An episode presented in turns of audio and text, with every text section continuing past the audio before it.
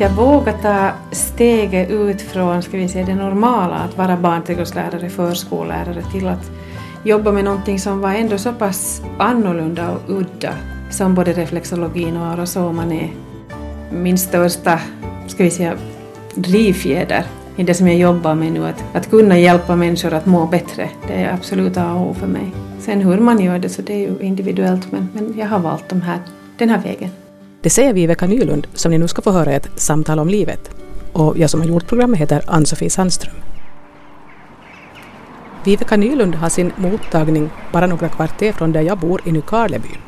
Och jag hade stämt träff med henne en eftermiddag i början av sommaren för att prata om de omständigheter som har format henne till den person hon är idag.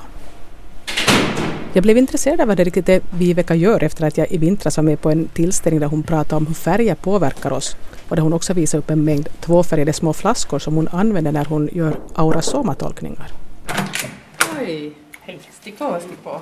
Jag förstod senare när jag pratade med henne att Viveka också i många år har jobbat som reflexolog. Och reflexologi är ungefär detsamma som helkroppszonterapi. Det är zonterapibehandlingarna ja. här i mina flaskor. De har ju sett, det är roliga. Jag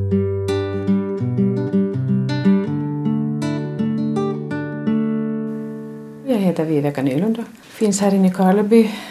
Jag flyttade hit 1981. Jag har jobbat i 20 år som reflexolog och aurasomaterapeut. Vi ska gå närmare in på både reflexologin och aurasoma-behandlingarna lite senare i programmet. Men först vill jag veta mer om Viveka. Så jag frågar var hon egentligen växte upp? Det kommer den där frågan som är alltid lika svår för mig för jag, jag är uppvuxen i en prästfamilj så vi flyttar ungefär vartannat år. Så ofta? Ja. Så länge präster inte har någonting som kallas för pastoralexamen så har de ju inte rätt att söka en tjänst utan de blir förflyttade av domkapitlet dit de behövs. Så ni flyttade hela familjen? Mm. Hur många var ni då? No, det var bara pappa, mamma och jag. Ända tills jag var åtta. Då fick jag första lillebror och sen när jag fyllde nio så kom den andra lillebror. Då bodde vi på, vem vet hur mångt ställe, då bodde vi i Haga, Helsingfors. 60-talet bodde vi i Helsingfors, 66 flyttade vi till Hotkär. Och det var ju en ganska stor omställning. Verkligen måste Från Helsingfors till lilla Hotkär där jag hade fyra klasskamrater. Så att, ja, det var, det var en speciell förändring i livet faktiskt nog. Vilket ställe känner du själv att var där du var hemma under barndomen? Att det liksom kändes mer som hem? Något tokigt nog så är det ju inte det ställe där jag har varit med, föräldrar, med mina föräldrar utan det är egentligen Åbo där jag gick åtta år i skola. Internat? På internatskola? Alltså många av eleverna som var från skärgården bodde på internat men jag hade den stora turen att ha mina morföräldrar i Åbo. Så jag bodde hos mormor och morfar i åtta år. Jag var tio, tio år så att ettan till fyran gick jag hemifrån. Dels i Helsingfors och dels i Hotkär. Och fast jag bodde då nio år och jag skriven i Hotkär så inte kan jag säga att det är min hemort inte. För jag var ju bara egentligen hemma på loven och somrarna. Annars var jag ju i Åbo. Så du fick ganska starka bindningar till Åbo då på det oh, sättet? Ja. Och det märker jag nog fortfarande när mina barn har studerat i Åbo och när jag åker till Åbo då så det är nog min hemstad, helt klart. Hur upplevde man det som liten, att hålla på att flytta runt så där mycket och vara på? No, som barn så är det ju lite svårt att byta kamratkrets hemskt ofta. Det är ju en av de där sakerna som kanske är jobbig, jobbigast, att hitta nya vänner på en ny ort. Men sen när vi kom till, när jag fick börja skolan i Åbo och visste att jag skulle vara stationär där i åtta år så då blev det ju ganska annorlunda. Men de där barndomsåren, jag har vänner utspridda i svensk Finland lite här och där. Hurdan var då Viveka Nylund som barn? Nå, enligt hörsägen så har jag varit en väldigt förnöjd unge som har sysselsatt mig själv. Har du något minne av det då? Nå, egentligen inte så mycket på det sättet. Jag, jag var ju väldigt lycklig när jag fick mina småbröder och var nog ganska mycket sån ställföreträdande mamma åt dem då. Jag tyckte att det var roligt att pyssla och hjälpa till med dem. Jag hade ju varit ensamt barn då ända tills jag var åtta år. Vad tänkte sig Viveka att hon skulle jobba med? Det var nog ganska klart för mig att jag skulle jobba med, med barn och ungdomar redan från, från tidigt. Du menar att du alltid varit sån en barnkär att du tycker om att ja, ha med barn att och sen fick jag ju alltid ta hand om barnen när det var, när det var några tillställningar i församlingen så ja men Viveka tar, tar, tar hand om dem, att föra dem till henne så att det var ganska naturligt för mig att ta hand om barn. Så att det var inte ett svårt val det inte. Så Viveka valde att utbilda sig till barnträdgårdslärare i Jakobstad. Men sen märkte jag ju förstås nog, eller sen, jag sa det också redan då när jag blev färdig barnträdgårdslärare att, att det här kommer jag ju inte att jobba med när jag blir 40. På något vis kändes det så att man ska vara ganska energisk, man ska ha mycket att ge de där barnen, man ska ge 100 procent. Det var liksom min inställning till att vara barnträdgårdslärare. Eh, inte sitta som som de där barnträdgårdslärarna som jag själv hade på en, en stol och, och sy ryor eller någonting sånt, utan man skulle vara med barnen och vara engagerad. Och sen räknade jag ju förstås med att vid det laget själv ha barn och, och familj och, och kunde kanske inte tänka mig att, att engagera mig så totalt på mitt jobb då som, som jag ville göra med mina egna barn.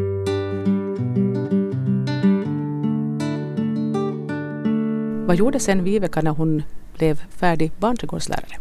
Då blev jag kallad till Tammerfors och jobbade där två och ett halvt år på Svenska daghemmet.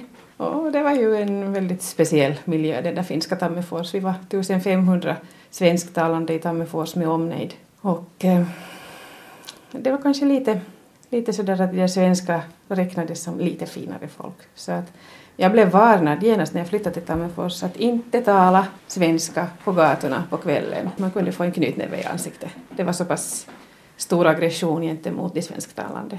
Men det var, ja, det var en hemskt annorlunda värld. Men då blev jag ju bekant med det finska Finland och jag är glad att jag fick en inblick i det också för sen senare när jag började utbilda mig till reflexolog så var jag en stor del av skolningen i Tammerfors. Då var det bekant för mig. Så att det var alls inte, inte något dåligt mellanspel men att det var ju som sagt var bara, det var en mellanlandning det. För jag visste nog att inte skulle jag bli där i Tammerfors. I början av 1980-talet flyttade Viveka Nylund till Nykarleby. Tänkte du då att okej, okay, nu ska jag stanna här? Nå, no, min före detta make så han bodde ju på landet på ett hemman så att, att det var ju så ganska självklart nog att, att det, där, det var där vi så småningom skulle bosätta oss. Och sen har jag ju förstås hunnit bo på ett antal platser här i Nykarleby också för att innan huset blev färdigt på landet så måste man ju bo någonstans också. Men du tar din före detta man så du är alltså inte längre gift med honom? Nej. Jag frågar Viveka om hon har barn. Vi har två barn, ja. Två vuxna duktiga. En flicka som är 28 och en pojke som är 26. Sonen studerar i Åbo och dottern ska börja jobba i Nykarleby i höst.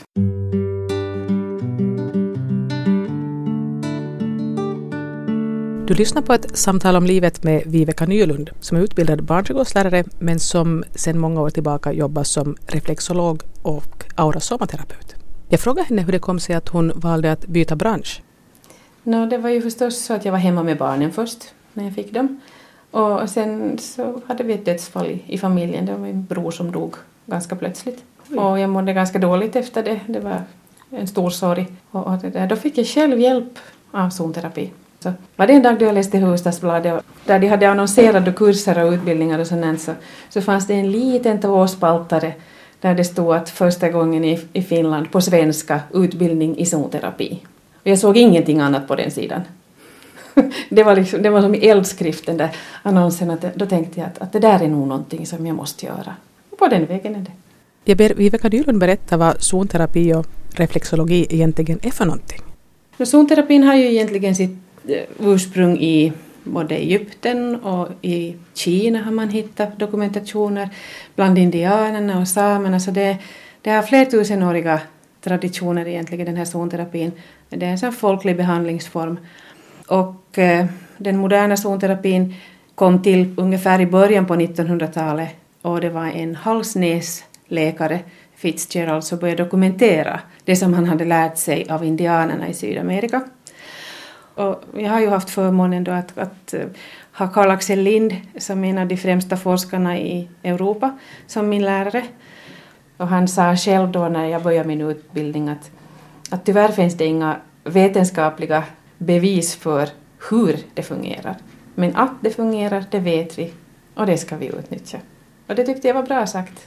Och han har då både forskat och dokumenterat i zonterapin och har kommit fram till att det finns åtminstone 35 olika system på kroppen som man kan behandla.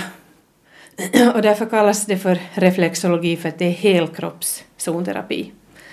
Och zonterapin går i princip ut på det att man hittar kartor av kroppen, till exempel halva kroppen kan spegla sig på halva foten eller en halv, ett halvt huvud kan spegla sig på halva foten så att det är alltid höger sida och vänster sida. På öronen hittar man en hel kropp eller i ansiktet kan man hitta punkter, på ryggen, på magen så att, att i princip så kan man behandla hela kroppen lite beroende på vad det är för symptom som man har. Och man behandlar de punkter som ömmar eller som säger till och då ger man en signal åt kroppen att kroppen ska leta efter balans och principen i zonterapin är egentligen densamma som i akupressur eller akupunktur. Att man behandlar de punkter som behöver och sen så sköter kroppen i princip resten. Så om jag har ont under foten på ett speciellt ställe Ja, och du märker att det gör ont just där, så då kan du koppla det till ett visst organ eller? ja. Det kan vara muskulärt, det kan vara benstruktur, det kan vara som du sa organ. Det kan vara olika saker för det finns den där kartan. Och den är samma för alla människor. Den är samma för alla människor. Och det här är något man bara kommit fram till, man har bara hittat, märkt att det är på det sättet. Ja, eftersom det har flertusenåriga traditioner så är det ju någonting som man har upptäckt under årens gång. Och det är säkert någonting som har gått i generationer att, att till exempel föräldrarna har lärt barnen och så här. På den tiden fanns det ju inte kirurger och mediciner utan man måste ju hitta på någonting annat som hjälpte till när man var i, i oskick. Men just det med hela kroppen, då, så, jag menar, du behandlar inte då, om man har sjukt knä, så det är inte själva knä du behandlar, utan behandlar du någon annan del av Då, kroppen? ja, då behandlar jag knäts område till exempel på foten därför att där finns benstrukturer och sen finns muskulaturen runt omkring knä finns på underbenet. Så då behandlar jag knäts både benstrukturer och muskulatur på två olika ställen. Då någon kommer till mig första gången så gör man en så kallad anamnes. Jag frågar ut om både medicinering och mycket annat. Man behöver ju veta hur kroppen funkar innan man kan börja behandla. Och utgående från den informationen som jag får av klienten så lägger vi upp en behandlingsplan. Nå, Vilken typ av besvär som folk vanligtvis söker upp dig för? Är det något speciellt som det här lämpar sig eller som folk gärna tyr sig till den här sortens behandling för? Nå kanske om man säger sånt som är stressrelaterat. Spända muskler och problem med magen och huvudvärk och sånt här som, som ju egentligen är såna livsstilssjukdomar. Och det som jag då har extra utbildat mig för så det är det här kolikbehandlingarna för de här bebisarna som har besvär. Det finns ju egentligen inte så hemskt mycket som hjälper dem utan det är nog bara att vänta tills de blir tre eller sex månader och så går det om av sig själv.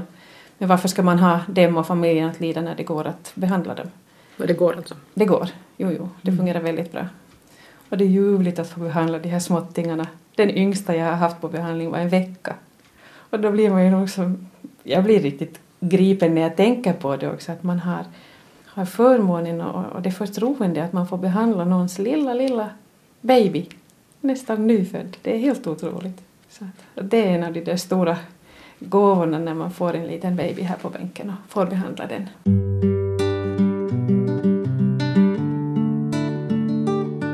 Man kan ju inte leka med folks hälsa, nu måste man ju ha kunskap när man ska jobba med andra människors hälsa. Så man börjar då från någon grundkurs och Ja, sen... så bygger man på. Och så måste man ju ha medicinsk utbildning också. Det, det hjälper inte att kunna bara zonterapin om inte du vet hur kroppen reagerar i till exempel sjukdomstillstånd. Men finns då den här utbildningen, finns den någonstans redan eller måste man plocka åt sig kurser här Man måste lite plocka åt sig, tyvärr på, på svenskt håll. På finskt håll så är det ganska bra så att man kan gå hela utbildningen med alla tilläggskurser som behövs. Så ska man ha hela utbildningen så är det enklast att fara till Sverige. Men du har gjort det i Finland? Jag har gjort det i Finland, jag är 12 år. Så det, det är en fascinerande värld och jag, märker, eh, jag tror ju att alla tänker lika som jag. att man tänker att kroppen är en helhet, att, att både tankar och känslor och, och fysiken spelar in men inte det är alltid så hemskt självklart inte. Så nu jag har ju utbildat reflexologer i 12-13 år så att, att jag har ju stått bakom katedern också och anser att det är enormt viktigt att, att flickorna, eller för det mesta är det flickor tills vidare nu, att de vet vad de gör och vad de inte kan göra. Att de känner till vad som är riskabelt och så här. Vad, kan vara, vad är det man inte kan göra? Vad är, vad är det som är riskabelt? Nå, till exempel att behandla människor som har feber eller som får cellgifter. Eller, sen måste man veta hur man behandlar till exempel en gravid kvinna så att man inte åstadkommer något missfall eller någonting sånt här. Och äter man hormontabletter eller antidepressiva eller någonting så måste man också veta hur man behandlar så att man inte så att säga ställer till kaos i kroppen. För det handlar ju alltid om att få folk att må bättre. Och för det första måste man göra en intervju med folk då, en, en så kallad anamnes, så att man vet vad man kan göra och inte kan göra. Jag tycker det är A och O att man har en ordentlig utbildning och att man faktiskt inte tar lätt på det utan man, man gör så gott man kan helt klart. Hur var då inställningen inom sjukvården till den här sortens alternativa behandlingar då när Viveka började jobba i början av 90-talet? Motståndet var tyvärr ganska kompakt i en början. Och jag kunde ju inte riktigt förstå det eftersom jag då har en pappa som har jobbat som präst och en mamma som har jobbat som sjuksköterska. Och de var helt, de backade upp mig totalt. De tyckte att det var ett bra val och go on girl liksom. Det var, det var mycket bra. Men sen så var det inte så lätt att, att hitta sin plats så att säga inom den här alternativa vården här i Österbotten.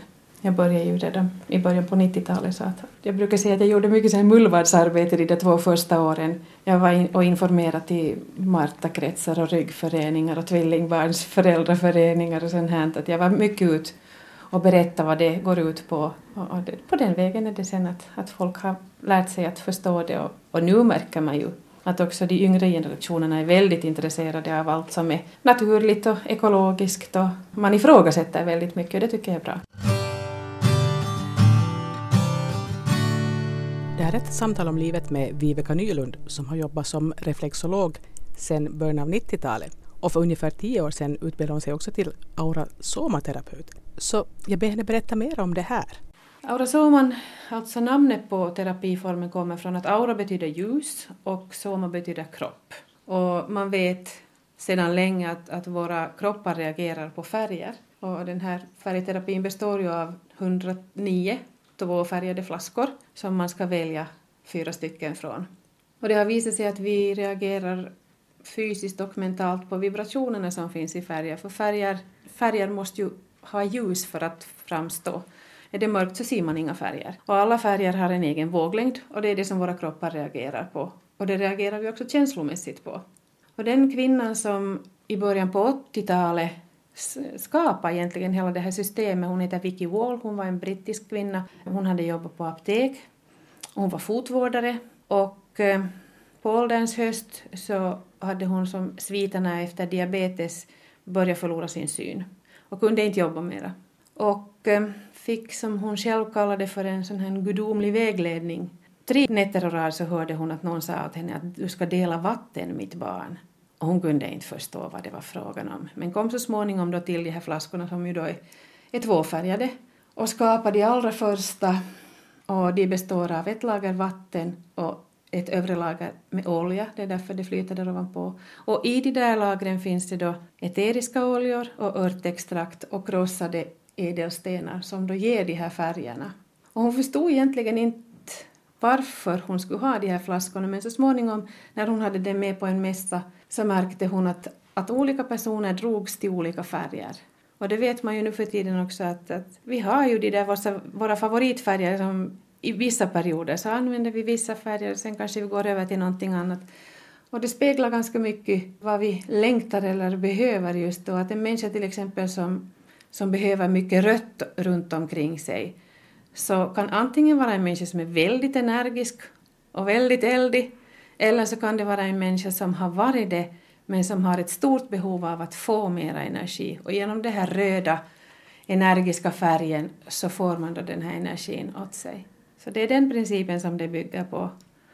Och de här färgerna är ju då faktiskt sånt, sånt som inte man behöver språk till heller inte. Mycket små barn eller människor som inte kan tala tilltalas ju förstås också av de här flaskorna. Att man behöver inte säga någonting utan man plockar sina flaskor och, och berättar via dem egentligen.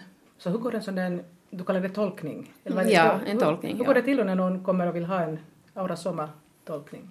Då sätter man sig framför de här vackra flaskorna och tittar på dem en stund och ser om det är någon speciell som tilltalar en. Och de som tilltalar dig allra mest så de väljer du. Vanligtvis så försöker vi hålla oss till fyra flaskor, annars blir det lite för mycket att, att ta itu med. Och så börjar man titta på färginnehållet i de flaskorna och, och vad de säger och, och, vad de betyder för den här människan. Och sen pratar man också mycket om hur man kan använda de här färgerna i sitt liv rent konkret. Att till exempel när jag själv gick utbildningen så var det en kväll när vi allihopa råkade ha någonting turkosfärgat på oss. Och det var ett väldigt sånt här mummel och hössel i klassen. Och vår lärare sa till sist åt oss att nej hörni flickor, nu får ni gå ut allesammans och byta färg. Och vi förstod inte riktigt vad det var, men sen så, så tog hon som kvällstema då att, att vi pratar om färgen turkos, som är kommunikationens färg behovet att uttrycka sig på något sätt, antingen med munnen eller via musik eller via konst eller någonting sånt. Så att, att färger påverkar oss mer än vad vi någonsin anar. Och på det sättet kan man då hjälpa en människa att genom att välja vissa färger så kan man antingen påverka sig själv eller så kan man påverka sin omgivning om det behövs. Så då som då, ditt personer som vill ha en sån här tolkning, mm. varför kommer de att göra det? Det finns ju delvis de förstås som är hemskt intresserade av färger, bara på grund av estetiken i det. Men så finns det också människor som upplever att, att de vill ha vägledning i någonting, i någon problematik. Och de vet till exempel att färger kan hjälpa dem. Och genom att få den där lilla puffen då att ta itu med någonting så, så kan det hjälpa dem vidare på, på något ställe kanske där de har stannat eller upplever att de inte vet vad de ska göra. De kan vara lite rådvilla.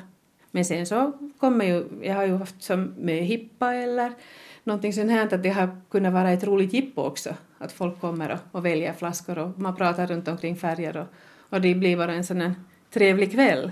Och sen vet jag ju att, att en del av mina både vänner och, och klienter har valt att ha någon flaska med sig i handväskan, till exempel om det är sådana som väldigt lätt blir stressade så har de en flaska med grön olja i. Den gröna oljan är lugnande och balanserande och dämpande. Då sätter man lite eterisk olja på armen där, där blodet pulserar och så lugnar det ner för att eteriska oljorna har den effekten på människor att de påverkar oss fysiologiskt. Men det här just de här färgerna och de här eteriska oljorna, det är två skilda saker? Nej, det är nog samma sak men det är olika aspekter av det hela. Hur kom då Viveka Nylund på att hon skulle börja ägna sig åt det här?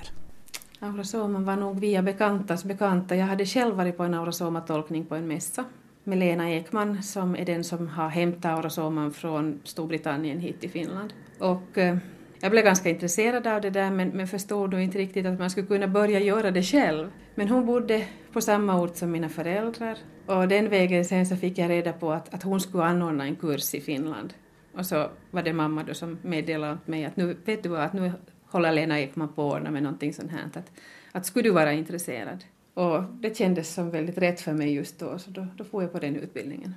När du var på din egen tolkning, mm. hur var det då?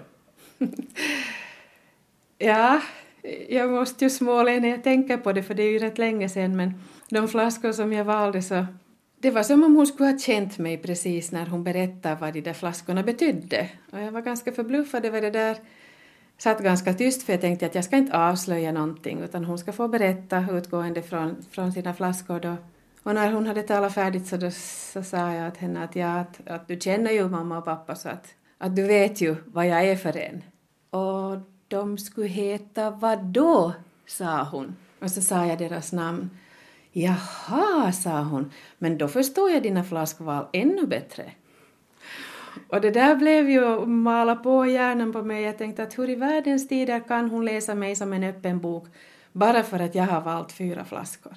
Och det triggade nog igång så pass mycket intresse och nyfikenhet. Så när det fanns möjlighet att utbilda sig i det området så, så nappade jag på.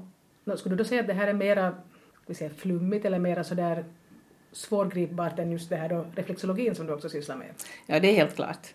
Reflexologin är ju så handgriplig och, och, handlar också främst om ska vi säga, stressrelaterade besvär som muskelspänningar och orolig mage och svårt att sova och sånt här. Medan då aurosoman är mera kanske lite den här guldkanten på tillvaron, att, att du får en extra kick. Du kan få en vägledning eller någonting sånt här. Så även om jag upplever att Aurasoma ger väldigt mycket så kan man kanske räkna den som under mera flummigt därför att det finns så mycket vetenskapliga belägg för eh, reflexologin nu för tiden att den fungerar och hur den fungerar så att, att det där, där finns ju bevis för hur man använder den. Jag upplever folk som då har fått sådana här tolkningar att de faktiskt då kommer vidare med någonting, något problem de har i livet och sånt? Ja, det tycker jag nog. Och många gånger så, så kan de komma en gång och så kan det gå ett år eller två och så säger de att nu skulle jag vilja komma på nytt och se om jag fortfarande har samma preferenser när det gäller färger eller om jag har förändrats på något vis. Och i sådana situationer så märks ju förändringen väldigt tydligt för att då har man ju helt nya val om det har gått en tid. Men det verkar vara så att det är någonting där som man inte riktigt själv förstår då hur det funkar men att det tycks säga någonting om det gör det. hur man har det. Ja. Jag, jag kan inte förklara hur, vad det är som gör att, att, det, där, att det funkar men, men de flesta ler igenkännande när man talar om de flaskor som de har valt. Precis så där är det, säger de. Det kan hända att, att det är så oskyldigt det här att, att man kommer mera åt det här omedvetna när man väljer de där flaskorna. Man tänker inte till så mycket. Ofta är vi ju fast i, i våra tankar helt enkelt. Det som vi tror oss veta. Hur länge tar en sån här tolkning då? Nå, jag brukar reservera en och en halv timme men det brukar nog ofta bli två. Underligt nog så har man mycket att diskutera fast man har bara plockat fyra flaskor därifrån. Är ni många som håller på med det, den här, som, som ger den här sortens tolkningar? Vi är kanske ett hundratal runt om i Finland och de flesta är finskspråkiga så att på det sättet är jag ganska ensam Men jag har en kollega i, Laihia som, som vi träffas nu och då med och, och diskuterar lite och försöker förstå mera med de här flaskorna. Och utbildningen var ju faktiskt på engelska och tolkades till finska. Så att mina anteckningar är ett sammelsurium, mest svenska men sen några ord det ena med det andra. Men utbildningen anordnas i, som från England, lärarna är från England. Det är en så pass liten terapiform så att det, det har liksom inte vunnit på det sättet stort genomslag men, men jag vet nog att det finns terapeuter ända bort till Kina och Japan som jobbar med det här.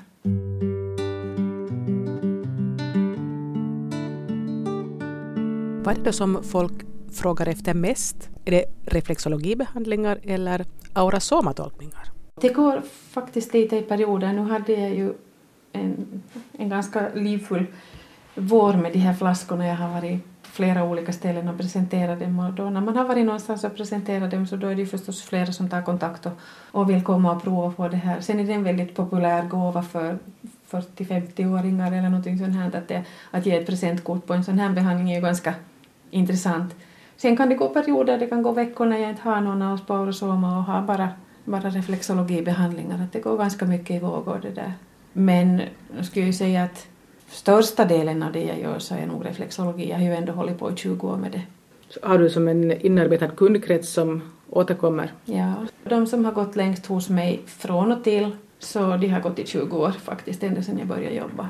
Och då är det ju allt från det att, att de har haft småbarn till att de nu börjar ha ganska vuxna barn. Och sen är det hemskt intressant att få följa med också på det sättet, vad som har hänt under livets gång.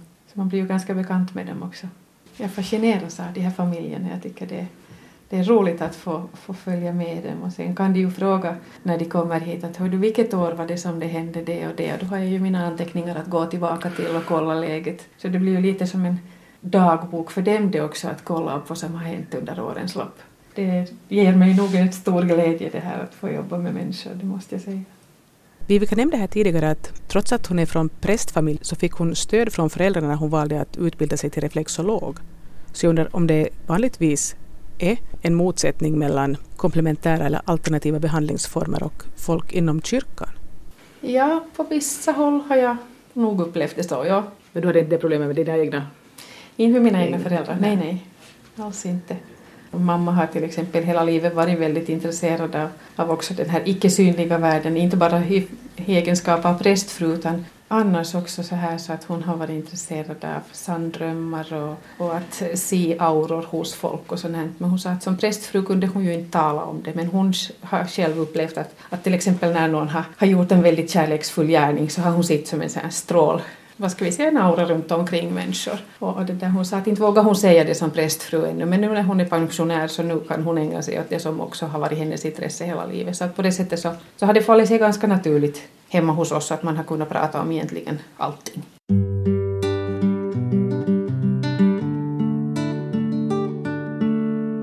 Det här är ett samtal om livet med Viveka Nylund som efter att ha varit barnträdgårdslärare valde att bli reflexolog och senare också aurasomaterapeut. Och i och med att hon bytte bransch så blev hon också egen företagare. Det fanns inga andra, andra alternativ. Jag gick en, en kort sex veckors företagarkurs. Inte fanns det ju någon chans att söka det här jobbet någonstans. Inte. Det fanns inga andra alternativ än att starta eget. Och på den tiden kunde man få startbidrag för företaget och då skulle man ju göra upp en företagsplan och, och lite tänka liksom vem man riktar sig till och hur man ska börja jobba och så här. Men var det sånt som du tyckte att du kunde tänka dig att göra? Nej, inte vet jag om det är min dröm att vara företagare. Det, det har ju sina både för och nackdelar men, men eftersom det inte fanns något alternativ då så valde jag det och det ångrar jag nog inte egentligen. Det, det är jag nog helt nöjd med. Jag som aldrig själv har känt någon dragning till att vara egen företagare så frågar hur man riktigt gör för att hitta den där balansen mellan att uh, ha tillräckligt med jobb men ändå inte ta på sig allt för mycket. Nej, då jag fick ju med en ganska dyrköpt läxa. Jag gick ju i väggen med dunder och brak 2007. Jag hade jobbat för mycket. Jag hade jobbat morgon, middag och kväll och hade liksom inte något förstånd att sätta gränser. Tycker jag har hört många som har företag säga att ja, men man tar på sig för säkerhets skull för att det mm. kanske inte sen kommer någon som vill ha mina tjänster nästa vecka eller nästa mm. månad så jag måste ta nu när det är efterfrågan. Ja. Men sen går det överstyr hemskt lätt. Men då lärde jag mig i samband med det, för jag var ju sjukskriven ett och ett halvt år, då var du ganska ordentligt utbränd. Alltså. Oh ja. Det var nog, jag var nog rock bottom, jag var liksom helt utslagen. Det första halvåret minns jag ingenting av. Men eh, då lärde jag mig med hjälp av den terapeut som jag då samtalade med under, under den tiden jag var sjukskriven att, att faktiskt sätta gränser. Så nu för tiden har jag arbetstider och jag har telefontider och jag stänger av telefonsignalen på weekenden när jag har inte jour. Och det, där, det var en dyrköpt men bra läxa. Nu kan jag begränsa mig. Men, men det där, jag var nog så envis jag så att jag hade nog fått varningssignaler från både vänner och bekanta i omgivningen men allting gick på väldigt hög hastighet hela tiden, liksom full rulle på. Och, och, jag hade ju bestämt mig för att jag skulle inte behandla mer än ett visst antal klienter per dag för att det fick vi redan under utbildningen ganska klart för oss att, att man har inte så mycket att ge om man behandlar för många utan man måste ju koncentrera sig totalt på den som man håller på med. Men ändå så ja, nej, men jag kan nog klämma in den här eller jag kan nog fara ett extra varv till jobbet på kvällen eller jag kan nog det ena, jag kan nog det andra. Det var ju dumt så här i efterskott vet jag ju det men, men man vill ju så gärna. Vad var det som var den sista då som fick dig att fatta? Det var faktiskt så att jag halkade på gården på mitt jobb här utanför och fick en rejäl armskada. Hela överarmen var, var söndertrasad så jag kunde helt enkelt inte jobba. Och då såg jag, insåg jag ju hur trött jag var. Viveka Nylund var alltså sjukskriven i ett och ett halvt år. Innan jag skulle börja jobba igen så då, då sa den här terapeuten åt mig att, att nu tar du med dig din bokningsbok eller din kalender och så går vi igenom den och tittar vad vi bokar in här och då sa hon att nu sätter du in dina lediga dagar för det första med rött och med bläck så att det inte går att rucka. och sen så skriver du in arbetstiderna och så meddelar du åt folk att, att då och då jobbar jag och då och då är jag ledig. Det krävde hennes mod på något vis. Att ta den där boken med och nu skriver vi in det här och så är det så. Och det blev en bra vana. Jag ville ju fortsätta med det här. Men hur klarar du av att hålla det nu då? Jag tycker att det går ganska bra, faktiskt. Men det, det är inte alltid lätt att säga nej. Jag vet ju nog till exempel i fjol gick ju nog min semester om intet. För att just när jag skulle gå på semester så ringde två familjer med bebisar då som hade kolikbesvär. Och det där, då kunde, bebisar kan inte jag säga nej åt. Jag kan inte säga åt dem att vänta en vecka eller två, utan då, då, då rycker jag nog in. Men, men är det vuxna människor så då kan jag nog säga tyvärr att jag är ledig den här veckan och nästa, att återkom gärna. Så, så det där. Eh, I år tänker jag ha semester. och sen förstås när, när åldern kommer krypande på så har man ju inte samma uthållighet heller som tidigare, så jag förstår ju det också att, att det är inte lönt ens att försöka köra lika hårt som jag gjorde när jag var 40 det som ju för mig har varit en stor glädje och lycka är det att jag har kunnat återgå till det arbete som jag slutade med mellan verserna. Det är ju många som måste byta helt och hållet för att de klarar inte av att gå tillbaka till samma bransch.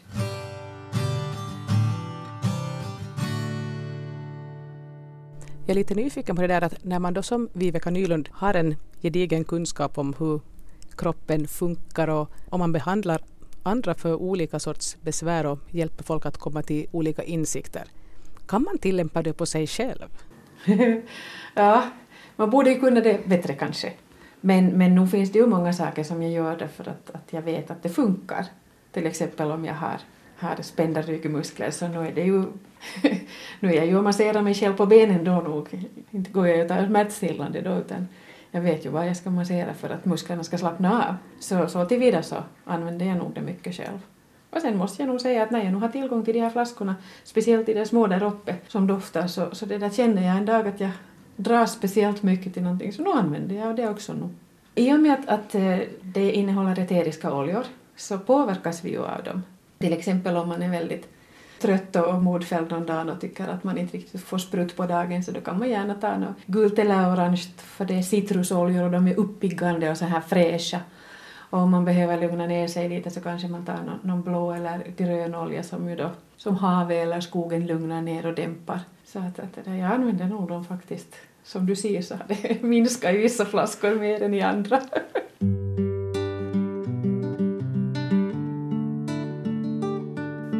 Viveka Nylund berättade här i början av programmet att hon växte upp i en prästfamilj. Så jag frågar ifall hon själv då har någon tro? Det är väl en sån grundtrygghet i livet. Jag kan inte säga att jag är speciellt kyrklig av mig, men alltid har jag trott på en högre makt.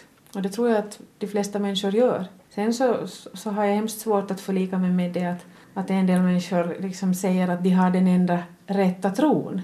För det, det tror jag ju inte, att, att det finns någonting sånt, utan alla måste ju få, få tro på det som de tycker att känns värdefullt och viktigt för dem. För nu finns det ju någonting som styr hela det här systemet. Jag menar, annars skulle inte någonting funka. Bara en sån sak som vår kropp och hur den funkar utan att vi behöver tänka på matsmältning och andning och allting. Det är, liksom, det är ganska fantastiskt egentligen. Och när man börjar se på, på de där små sakerna, de där små vardagsundren, så då, då förstår man ju att, att vi har nog väldigt mycket att vara tacksamma för i det här livet. Bara en sån sak att man har tak över huvudet och mat för dagen och hälsan och ett arbete och vänner så tycker jag är stora saker. Skulle du säga att du är nöjd med det, det liv du lever idag? Ja.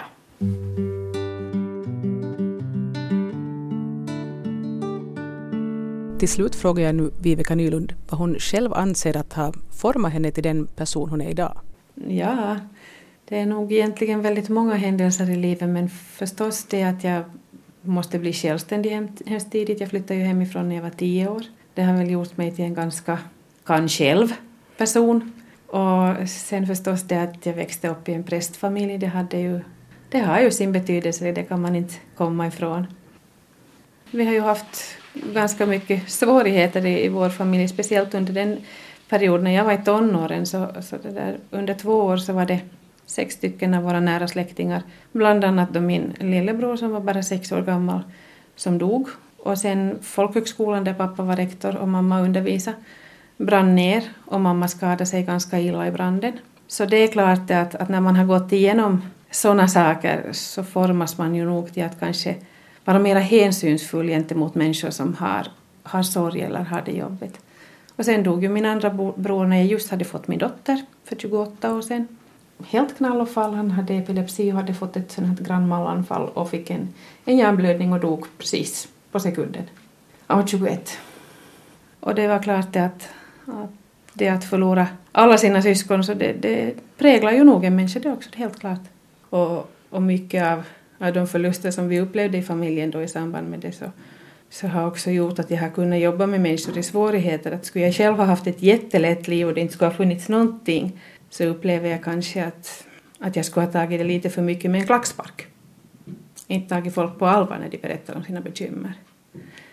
För att det finns ju ingenting som är så frustrerande som om man blir tagen på, på ett sånt här sätt att, att men ryck nu upp det och inte det är så farligt när man faktiskt upplever en stor förlust i sitt liv.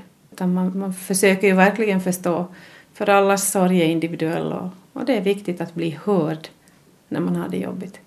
Och sen att jag vågar ta steget ut från ska vi säga, det normala, att vara barnträdgårdslärare, förskollärare, till att jobba med någonting som var ändå så pass annorlunda och udda som både reflexologin och arosoman är. Men jag tror att alla de erfarenheter som jag har haft ända sedan ganska tidigt har gjort mig till en sån person som måste få jobba med människor. Jag kan inte sitta på något kontor eller någonting sånt utan min största, ska vi säga, drivfjäder i det som jag jobbar med nu, att, att kunna hjälpa människor att må bättre, det är absolut A och O för mig. Sen hur man gör det så det är ju individuellt men, men jag har valt de här, den här vägen. Ni har hört Viveka Nylund, reflexolog och aurasomaterapeut i ett samtal om livet och jag som gjorde programmet heter Ann-Sofie Sandström.